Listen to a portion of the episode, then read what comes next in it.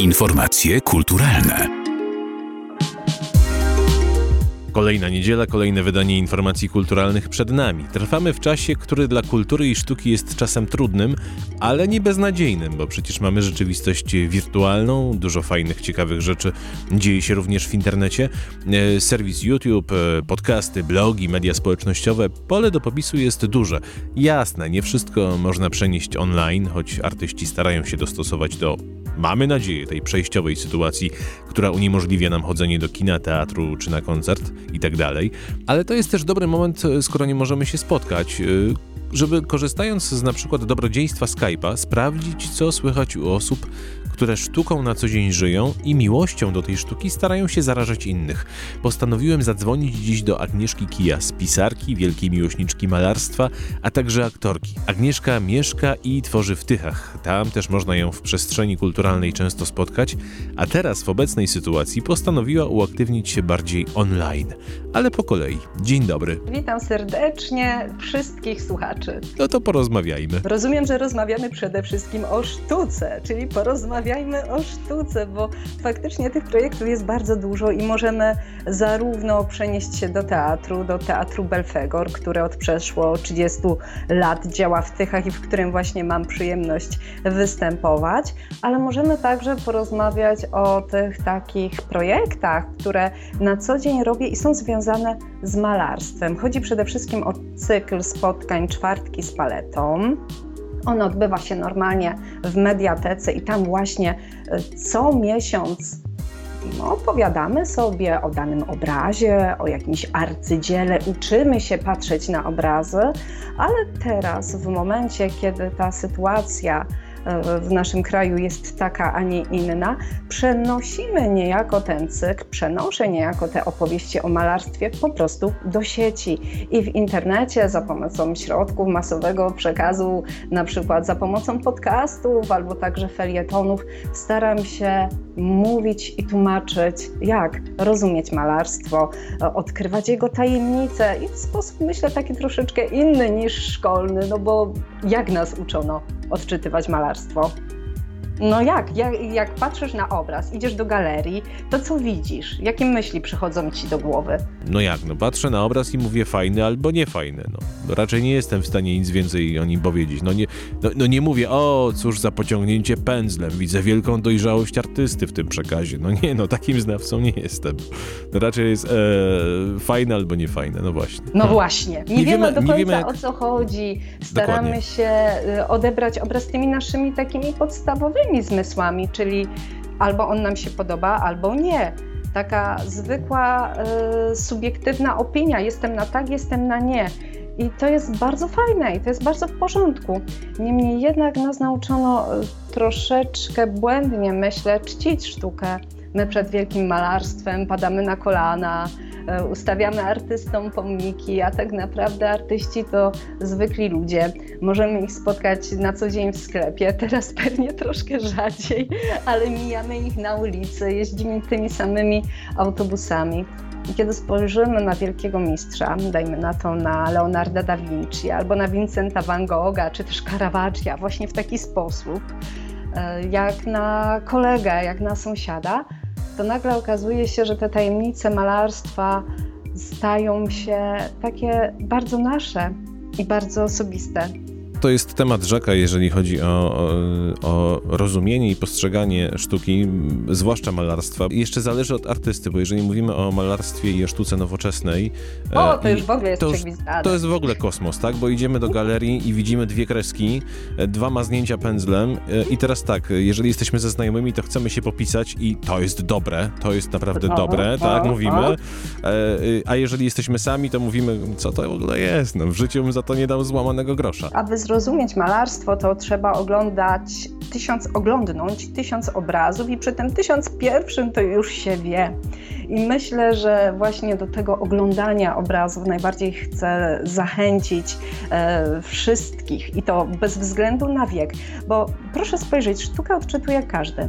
Nieważne ile masz lat, nieważne czy jesteś wykształcony, czy też może dopiero zaczynasz swoją edukację, nieważne czy znasz języki, tutaj nie ma bariery języka patrzysz, widzisz i już wiesz. I właśnie to malarstwo tkwi jako sztuka w nas właściwie od zarania, bo przecież człowiek pierwotny wziął palec, zanurzył w czerwonym barwniku i nakreślił na ścianach jaskini Laskal tego wielkiego, gigantycznego byka dwumetrowego i coś go jednak do tego podkusiło.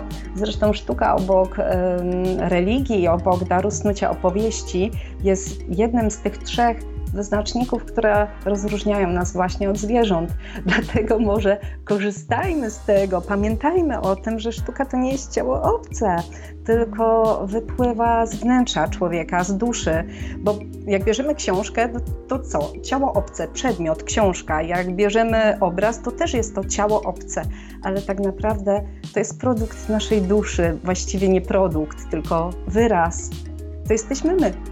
Tak jak jest taki zestaw książek, które powinniśmy w swoim życiu absolutnie e, przeczytać, sięgnąć po nie. Jest kanon filmów, które też powinniśmy w życiu obejrzeć. To tak samo jest kanon obrazów, które powinniśmy obejrzeć, ale nie tylko obejrzeć, zobaczyć, ale też pod, umieć odczytać, prawda? Właściwie.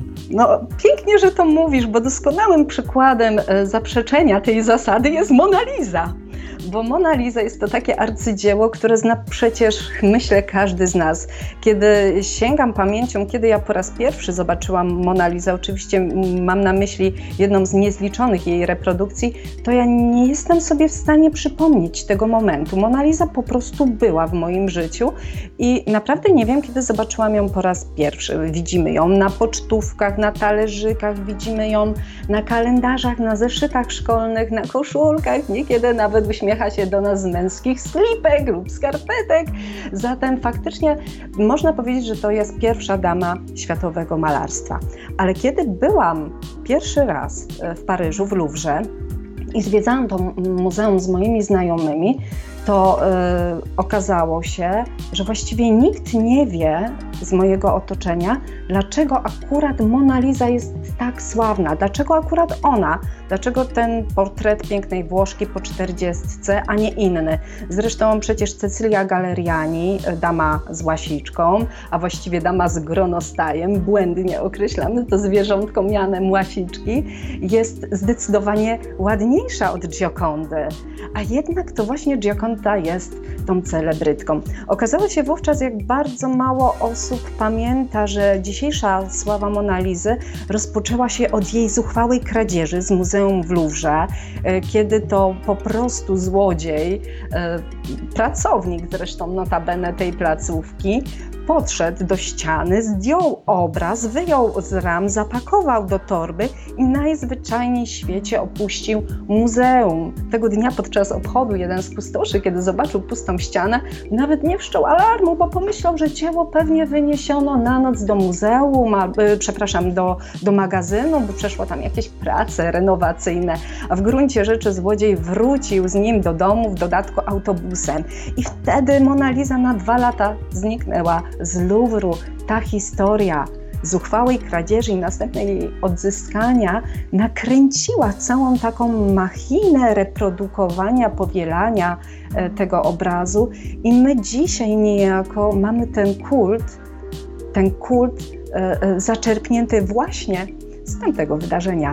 Ja bym jeszcze tylko chciała wtrącić i mhm. serdecznie zaprosić, abyście Państwo teraz, w tym takim szczególnym okresie, um, odwiedzali po prostu mój profil na Facebooku, dawno temu w sztuce, gdzie publikuję mnóstwo felietonów na temat malarstwa, gdzie publikuję nagrania i e, byłoby mi bardzo miło, jeżeli po prostu byście Państwo tam zaglądali. Agnieszka, udowadniasz na swoich spotkaniach, że sztuka nie musi być nudna, że malarstwo nie musi i nie jest nudne, tylko trzeba Broń właściwie... Boże tak, tylko trzeba właściwie odczytywać, właściwie nie tylko malarstwo, ale w ogóle y, sztukę. Popatrz, wyobrażasz sobie na przykład taką sytuację, że cię gdzieś zamkną na miesiąc i zupełnie odetną cię od sztuki, zupełnie nie masz muzyki, nie masz filmu, nie masz zdjęć, nie masz obrazów, nie czytasz tekstów, tak na dobrą sprawę przez miesiąc nie ma ciebie w sferze sztuki i kultury. My tak sobie myślimy, że to jest właśnie coś odrębnego, ale gdyby nam tego nagle zabrakło, to wierz mi, że wyszedłbyś z tego pokoju jako zupełnie inny człowiek. Nie dajmy sobie zabrać sztuki. Nie dajmy sobie tego zabrać. Aż ciarki mi przeszły po plecach, gdy, jak teraz sobie wyobraziłem, że nie ma tego wszystkiego nagle. Prawda? Tak, tak, tak. Agnieszko, bardzo Ci dziękuję, y, więc y, rozumiem, że na razie możemy się spotykać w, w tej przestrzeni wirtualnej, czyli zapraszamy na Twój profil facebookowy. Dziękuję pięknie, zapraszam wszystkich na dawno temu w sztuce. Dziękuję Ci bardzo za rozmowę. Dziękuję również. Informacje kulturalne